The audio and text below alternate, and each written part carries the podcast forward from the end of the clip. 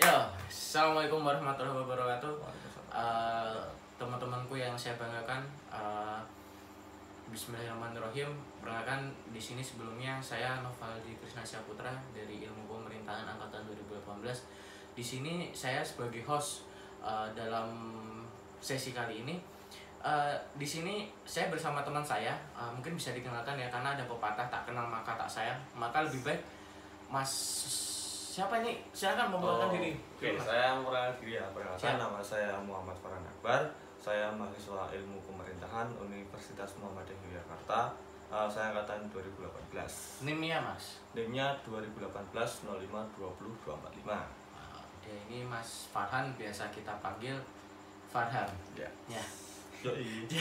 Jadi gini Mas, di sini kita eh, pada hari ini Hmm? eh, ada nih ada beberapa topik yang mau saya bahas nih Mas. Ya. Nah, dan aku pengen pengen tahu nih eh, jawaban dan pandangan dari Mas eh, Farhan ini tentang topik yang mungkin mau aku tanyakan pada mal- eh, pada hari ini lah.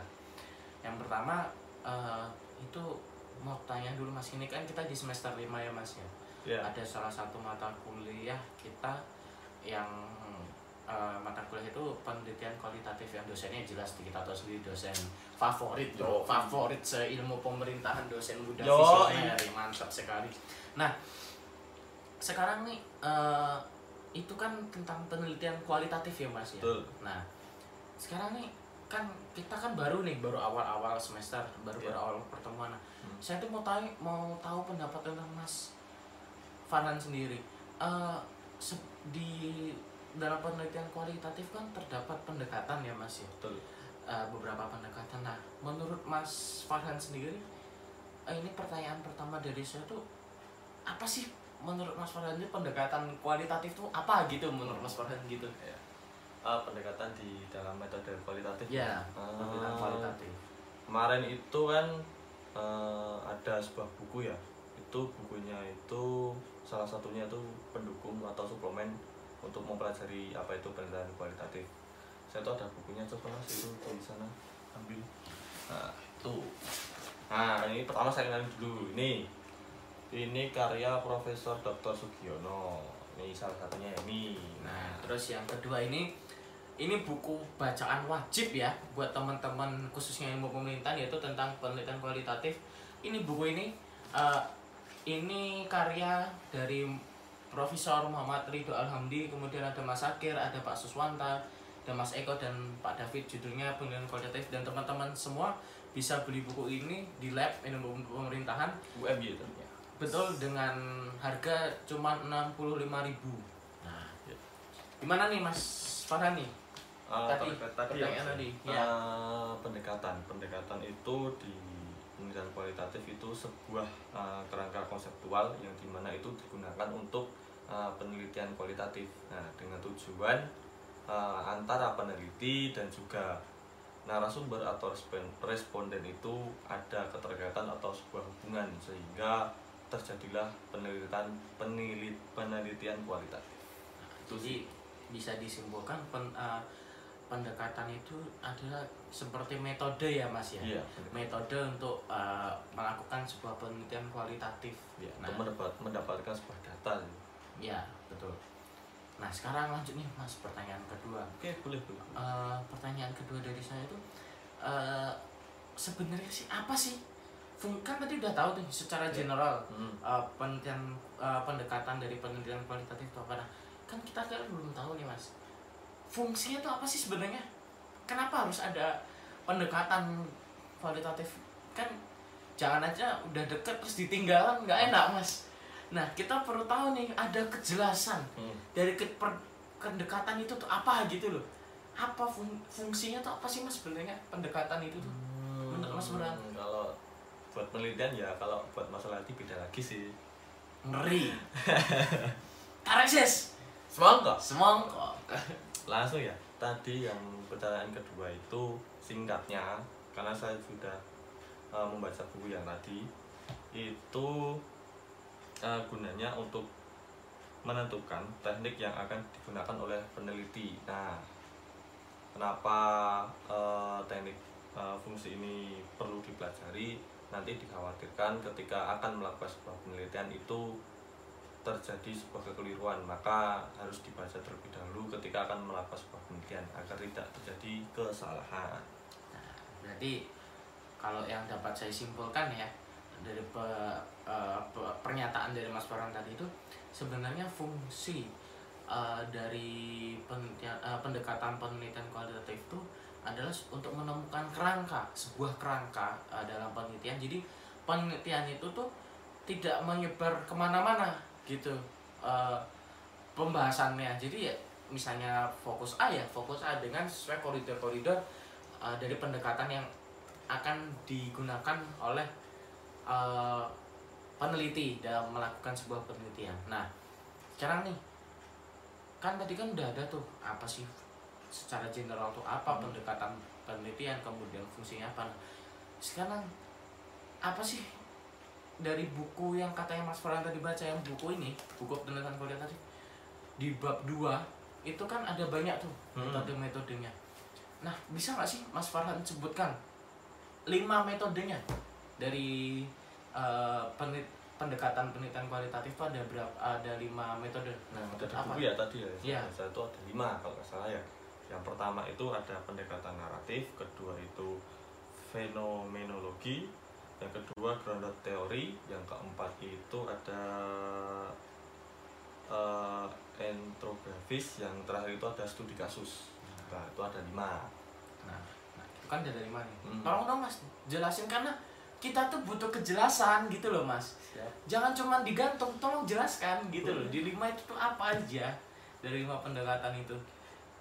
Uh, kalau yang pertama itu pendekatan naratif ya, ya. itu biasanya itu berdasarkan uh, pengalaman yang digambarkan pada sebuah kisah individu.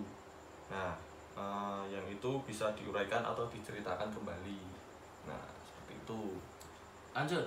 Yang kedua itu ada fenomenologis yaitu uh, menjelaskan konsep umum dari pengalaman pengalaman hidup uh, di setiap individu. Nah, tentunya setiap individu itu mengalami sebuah kejadian atau peristiwa. Nah, agak sedikit berbeda dari penelitian eh, metode yang sebelumnya tadi. Yang ketiga itu ada grounded theory. Grounded theory ini eh, bergerak melau bergerak melampaui penelitian deskriptif dan mencari sebuah teori. Terus yang keempat itu ada pendekatan entografis adalah sebuah uh, kajian terhadap pengalaman manusia dari tindakan dan interaksi yang sama. Yang terakhir itu ada uh, pendekatan studi kasus. Pendekatan studi kasus itu adalah pendekat, uh, penelitian intensif yang mengkaji suatu kasus atau uh, mudahnya satu atau dua bahkan bisa lebih kasusnya. Nah itu memiliki tujuan tertentu.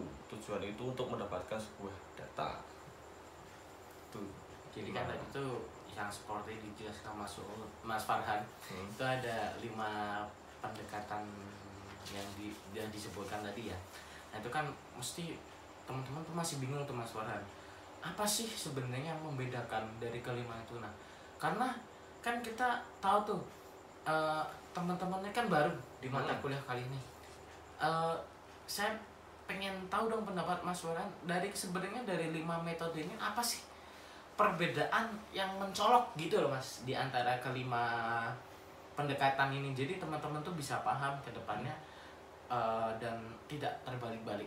Coba mas mas Warren jelaskan.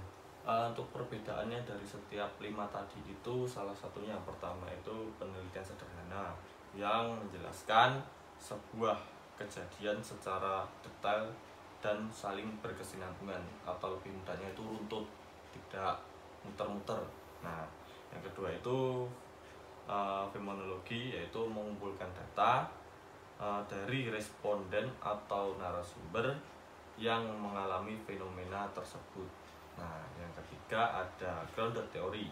Grounded theory itu uh, sebuah penelitian lapangan lebih dari 20 orang yang nantinya peneliti dapat menarik sebuah kesimpulan. Nah, yang keempat itu ada etnogra- etnografis ya. Etnografis itu sebuah observasi lapangan yang dilakukan dalam jangka panjang dan membutuhkan waktu yang hmm, bisa dikatakan cukup lama.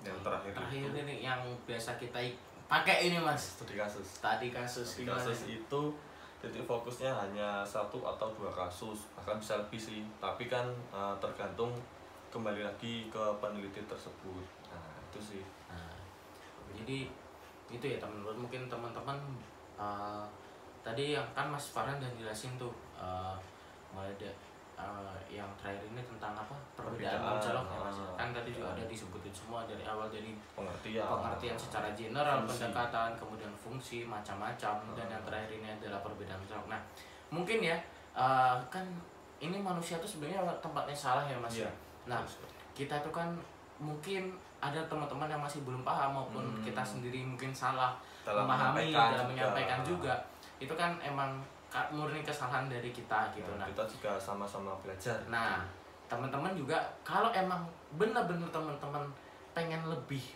uh, me- paham atau lebih paham itu nah saya kembali lagi sarankan teman-teman untuk membeli buku ini ya Ya, buku penelitian rekomendasi. kualitatif eh, karya dari Pak Ridho Alhamdi kemudian Mas Akir ada Pak Suswanda Pak ada Mas Eko dan yang ada Pak David ya Eh, ini teman-teman dapat beli sebagai buku ibaratnya suplemen ya Mas ya Iya. buku eh, buku wajib untuk mata penelitian kualitatif Hmm. Eh, ini teman-teman dapat mendapatkan buku ini di lab ilmu pemerintahan dengan harga 65.000 ya gitu. Nah, nah sebenarnya juga bisa sih bisa nanti Karya kalian bisa dapat di Profesor Sugiono Ah, ya Sugiono itu bisa kalian cari di Gramedia atau di online shop pokoknya ya. toko-toko buku kesayangan kalian Bisa. lah nah mungkin itu aja ya Mas Farhan ya Eh, semoga teman-teman apa yang kami sampaikan ini dapat bermanfaat buat teman-teman. Eh, teman-teman juga bisa mendapatkan ibaratnya tambahan pengetahuan dan bisa berguna lah ibarat buat Ya. teman-teman dan sebelumnya saya berterima kasih nih kepada Mas Ah, Farhan atas waktunya kesempatan waktu untuk menjelaskan ke teman-teman. Dan ke Ya. saya apa sih eh, tentang utamanya tentang pendekatan di dalam penelitian kualitatif. Nah sebelumnya teman-teman saya karena waktu yang semakin lama ya. Uh, dan kita memiliki keterbatasan waktu saya sel- selaku host Novaldi Krishna Saputra uh, mohon pamit untuk undur diri di hadapan teman-teman kurang lebihnya kami mohon maaf. Assalamualaikum warahmatullahi wabarakatuh